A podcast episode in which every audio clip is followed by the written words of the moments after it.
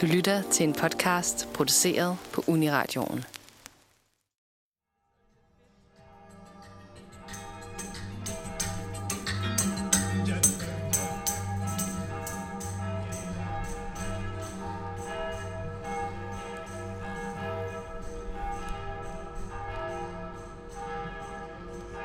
Det her er lyden af København i dag, og i den her reportage kommer du til at høre om, hvordan København så ud for 1000 år siden. For hvilke spor har vores forfædre efterladt, og hvordan afdækker vi dem? Det har vi sat os for at undersøge. Måske du kender Gammel Torv i København, og måske kender du også Caritasbrønden. Øh, her kan man finde enormt flotte bygninger og en lille fin plads. De her bygninger de er i gang med at blive restaureret, og det er her, hvor udgravningen den også foregår. Og det, der er interessant ved den her udgravning, det er faktisk, at den fortæller måske, at Absalon ikke grundlagde København. Og så åbenbart 10 meter under os, måske mere, er der spor af, hvordan København så ud for 1000 år siden. Velkommen til første del af Arkeologernes forunderlige verden, udgravningen ved Gammel Torv. Den her reportage er produceret og tilrettelagt af Michael Leon Sokola og Katarina Fie Vare. Og øh, hvis, man, altså, hvis man går ind på internettet og læser, øh, hvad det er, der foregår her, så kan vi jo lige øh, prøve at se, om hvad det kan. Københavns Museum skriver nemlig, Horser. det var en tid, der ikke fandtes, var. Den fandtes jo engang. Nu hvor internettet forfejler os, og en artikel om udgravningen, den ikke længere er at finde, så har vi faktisk besluttet os for at gå til førstehåndskilden. Det er nemlig øh, ansvarlig for udgravningen, og ikke mindst museumsinspektør og arkeolog Andrea Borgius. Jag heter Andrea och jag är arkeolog och museumsinspektör på Köpenhamns museum och jag leder olika eh, utgravningar, bland annat den här på Gammeltorv. Andrea, hun fortæller os, at de har fundet spor af en gammel voldgrav. Men hvordan ved de overhovedet, at det er en gammel voldgrav?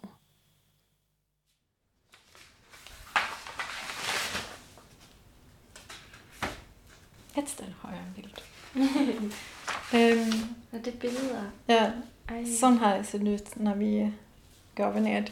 Ja. Um, nu är det lite svårt att se för det är svartvitt.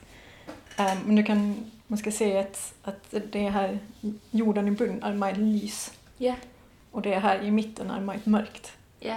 Um, så vi har, vi har grävt ned på tvärs av den här våldgrav. Um, och vi kan ju se att den är där för det, det här är inte naturligt. Alltså det här lyset är den naturliga Ja. undergrund som är för istiden. Um, Medan det här är alltså vannavlagret. Ja. Um, så här har, här, här har liksom gått en, någonting i den riktning som varit alltså, Okay. Jamen, det ser, det ser lidt øh, læret ud. Ja, ja precis. Det är så lite gyttje, sådan så klebigt. Ja. Um, så det är ju obviously ikke naturlig undergrund. Så det, Andrea hun fortæller os her, er, at nogle af de metoder, arkeologerne gør brug af, er at aflæse jorden. Og den gemmer altså på en hel del. Det har ju bott människor här i de sista tusen år.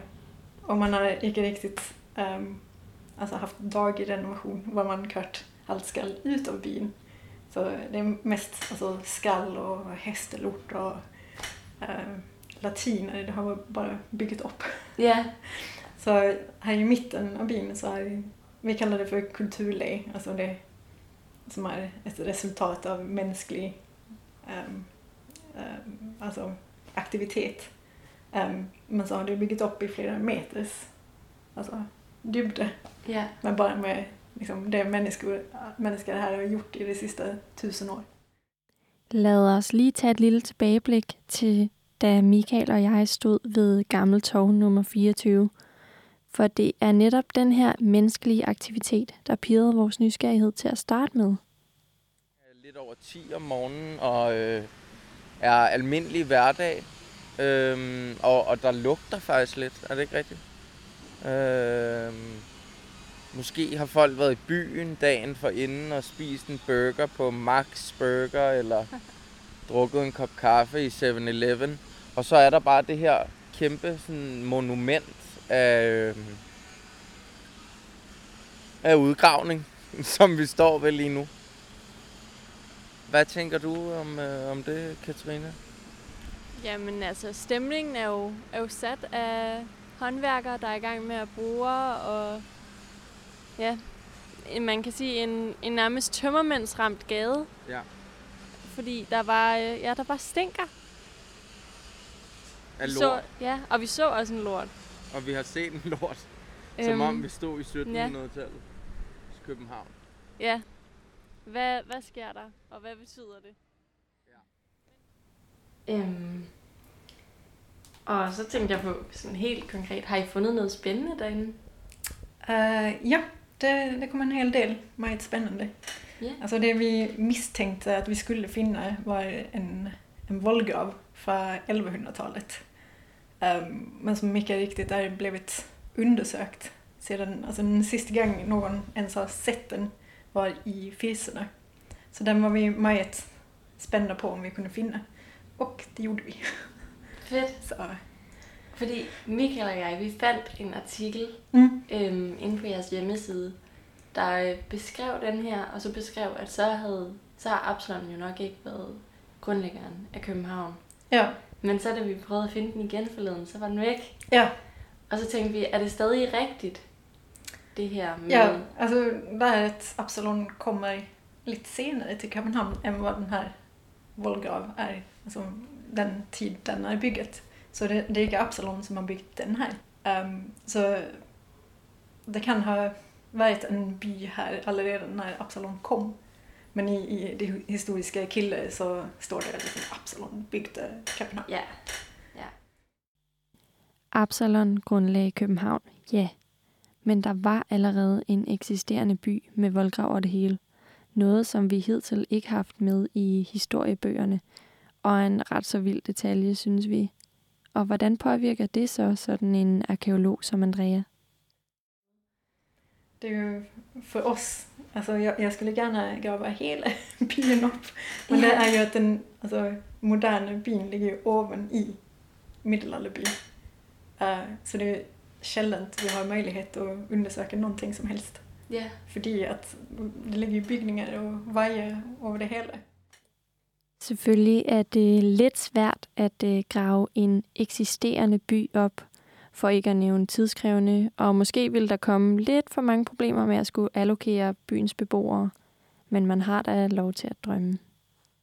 Ved man, har det bare været bymidte, der har ligget inde i? Ved man noget om det? Det vet vi heller ikke faktiskt.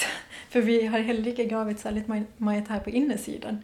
Ehm, um, så det skulle jag gärna i, i framtiden skulle jag gärna vilja att någon renoverar ett hus här i, i, i mitten så att vi får lov att kika. Ja, måske ett hotell eller någonting, eller någonting där ska byggas, där ska bli stort. Så kommer vi gärna och kika.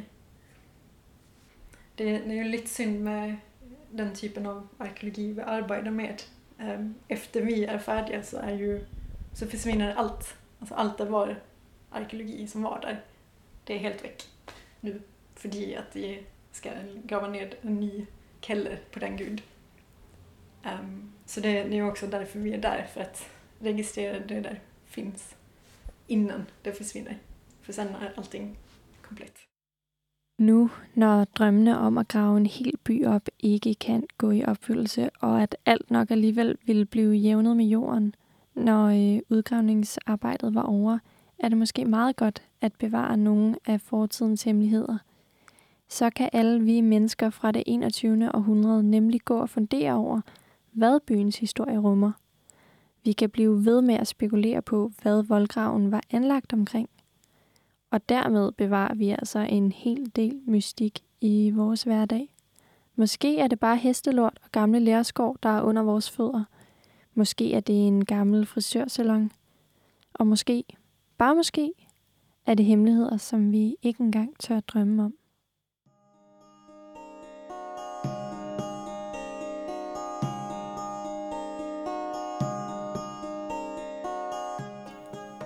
Du har netop lyttet til den første del af arkeologernes forunderlige verden, udgravningen ved Gammeltorv. Reportagen er produceret og tilrettelagt af Michael Leon Sokola og Katarina Fie Vare. Særligt tak til arkeolog og museumsinspektør Andrea Borgius for hendes medvirken. Lyt med næste gang, når vi undersøger udgravningen bag Frederiksberg Rådhus.